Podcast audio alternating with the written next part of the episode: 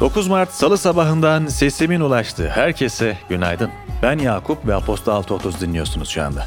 Mart kapıdan baktırmaya başladı bile. Baharın müjdecisi olan bu ay sanki hiç de sıcak bir şekilde karşılamadı bizi. Soğuk havalar hala devam ediyor bir yandan. Dilerseniz şöyle 3 büyük ilin hava durumuna da gelin birlikte göz atalım. İstanbul'da az bulutlu bir hava ve sıcaklığın en düşük 3, en yüksek 13 derece olması bekleniyor. Ankara'da da az bulutlu bir hava olacak. Sıcaklığın en düşük eksi 1, en yüksek 12 derece seyrinde olması bekleniyor. İzmir'de de az bulutlu ve yer yerde çok bulutlu bir hava hakim olacak.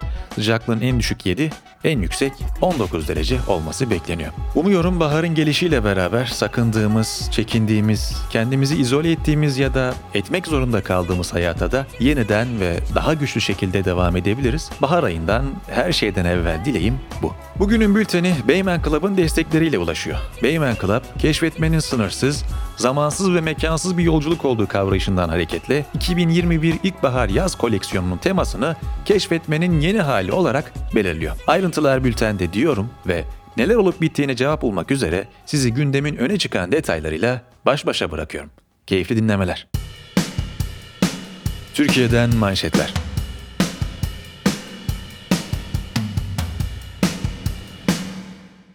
Borsa İstanbul AŞ Genel Müdürü Hakan Atilla, genel müdürlük görevinden istifa etti. Borsa İstanbul AŞ Yönetim Kurulu'nun istifayı kabul ettiği kararın Sermaye Piyasası Kurulu Başkanlığı'na bildirildiği belirtildi. Halkbank davası sebebiyle ABD'de 28 ay hapis yattıktan sonra Borsa İstanbul Genel Müdürlüğü görevine getirilen Atilla'nın istifa edeceği iddia edilmişti. The Financial Times'ta yer alan bir haberde Atilla için yapılacak bir görev değişikliğinin Türkiye-ABD ilişkileri açısından sembolik bir jest olabileceği ifade edilmişti. 10 yıllık ABD hazine tahvil faizinin pazartesi günü yeniden yükselişe geçerek %1,60 civarında seyretmesini takiben dolar TL dün gün içinde 21 Aralık'tan bu yana ilk kez 7,71'i aştı. Türkiye'nin kredi temerrüt takas risk primi dolar TL'deki yükseliş sonrasında 338 bas puanla 2021 yılının zirvesine tırmandı. Gazeteci ve yazar Levent Gültekin, Halk TV'nin Bakırköy merkez binası önünde 20-25 kişilik bir grubun saldırısına uğradığını açıkladı. Olaydan sonra canlı yayına katılan Levent Gültekin, sosyal medyadan çok tehdit aldığını ifade etti.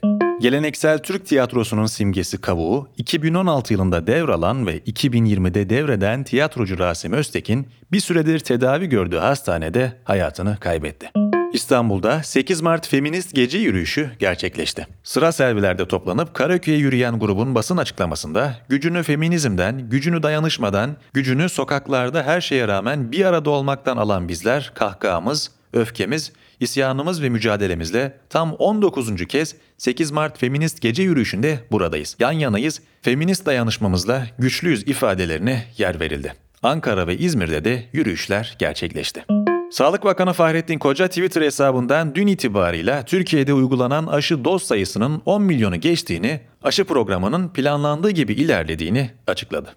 İyi Parti Genel Başkan Yardımcısı Yavuz Ağır Alioğlu, İstanbul Büyükşehir Belediye Başkanı Ekrem İmamoğlu'nun Twitter'da İyi Parti Genel Başkanı Meral Akşener ve HDP eş Genel Başkanı Pervin Buldan'ı etiketleyerek yaptığı 8 Mart Dünya Kadınlar Günü kutlaması hakkında HDP ve siyasilerinin isimlerinin şehit annelerine borcunu vatan borcu bilen Meral Akşener'le birlikte zikredilmesini doğru bulmuyorum mesajıyla tepki gösterdi. İyi Parti Genel Başkanı Akşener, ikisi de fikir hürriyetidir. Arkadaşlarımın çoğu da beğenmedi, haklıdırlar açıklamasını paylaşırken İBB Başkanı İmamoğlu mesajın tümüyle iyi duygularla yazıldığını ifade etti. İstanbul Sanayi Odası tarafından Ocak ayında 49,9 olarak açıklanan ve eşik değerin altında kalan Türkiye İmalat Sektörü İhracat İklimi Endeksi Şubat'ta 51,5 düzeyinde gerçekleşerek eşik değer 50 puanın üzerine çıktı. Geçen yılın Eylül ayından bu yana en güçlü iyileşme gerçekleşti. Ankara 26. Ağır Ceza Mahkemesi'nde görülen duruşmada Oda TV Ankara Haber Müdürü Müyesser Yıldız, devlet güvenliğine ilişkin yasak bilgiyi temin etmek ve açıklamak suçundan toplam 3 yıl 7 ay 10 gün hapis cezasına mahkum edildi ve cezanın 1 yıl 1 ay 10 günlük kısmı ertelendi. Tele1 Ankara temsilcisi İsmail Dükel de devlet güvenliğine ilişkin yasak bilgiyi temin etmek suçundan ertelemeli 1 yıl 15 gün hapis cezasına çarptırıldı. Cumhurbaşkanlığı Sözcüsü İbrahim Kalın, Bloomberg'le gerçekleştirdiği bir söyleşide Türkiye'nin ABD, Rusya, Mısır ve Avrupa Birliği ile ilişkilerine dair değerlendirmelerde bulundu.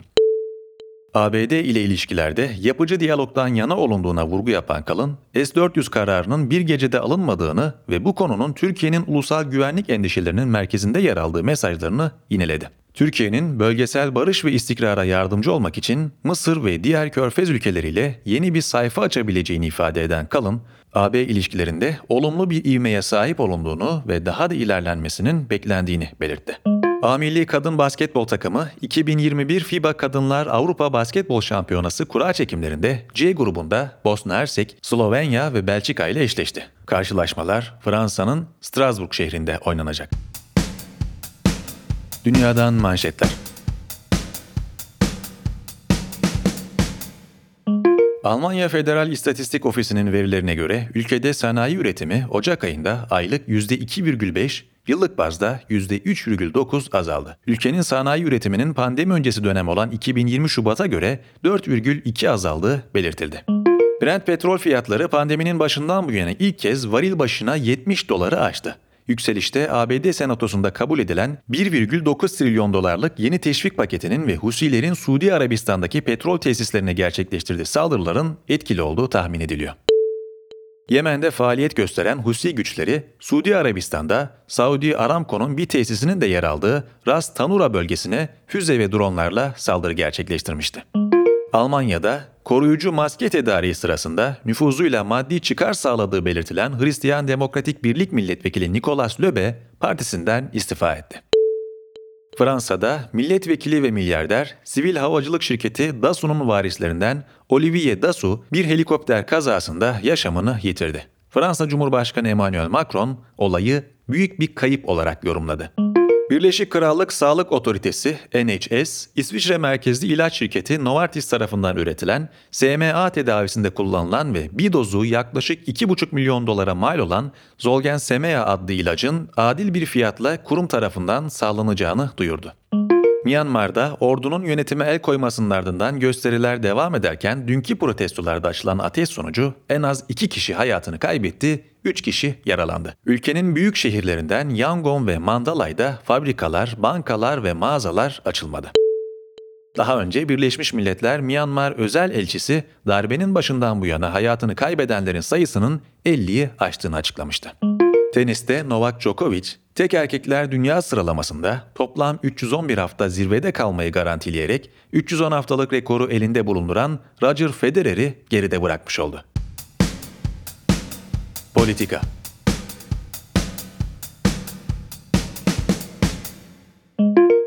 Bartu Özden, İyi Parti'nin yolu diye başlıklandırdığı yazısının giriş bölümünde şöyle diyor. 20 Eylül tarihli İyi Parti'nin yeni dönemi başlıklı yazımı, İyi Parti'nin merkez sağda yer alması, Millet İttifakı'nın ömrünü uzatma ve genişlemesini sağlama ihtimali taşıyor. Milliyetçi tonun ağır basması ise çok başka bir siyasi denklemin önünü açıyor cümleleriyle bitirmiştim. Esnaf ziyaretleri ve konuşmalarıyla sık sık gündem olan Meral Akşener'in liderliğindeki parti, merkez sağdaki seçmeni hitap edecek partilerin sayısının çoğalmasına rağmen son 3 ayda yayınlanan 16 farklı anketin ortalamasına göre %13 oy oranına dayanmış durumda. Son gelişmeler daha önce ülkücü geçmişi olanlarla merkez sağ figürler arasındaki dengenin tartışma konusu olduğu partinin izleyeceği rota konusunda ipuçları veriyor. Bartu Özden'in İyi Parti'nin yolu diye başlıklandırdığı yazısı önemli detaylar içeriyor. Yazıyı daha detaylı incelemek ve okumak için bülteni ziyaret etmeyi unutmayınız. Piyasalar ve ekonomi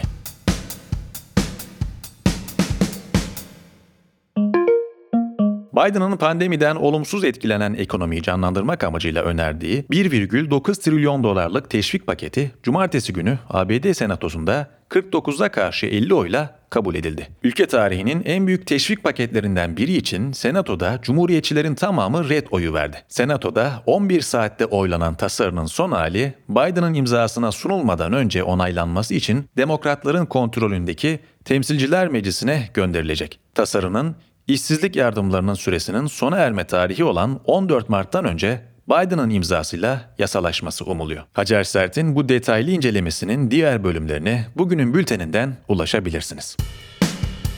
Ekipten öneriler.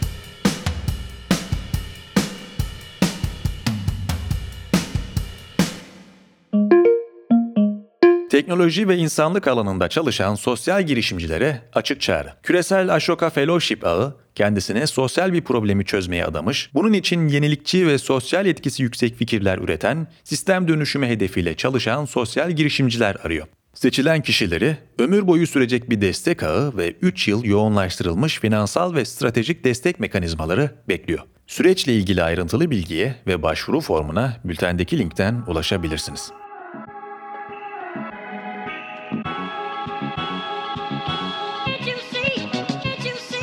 9 Mart Salı gününde her hafta olduğu gibi yine beraberdik. Gündemin öne çıkan detaylarını dilim döndüğünce aktarmaya çalıştım. Ben Yakup. Perşembe günü yeniden buluşuncaya kadar esen kalın. Görüşmek üzere.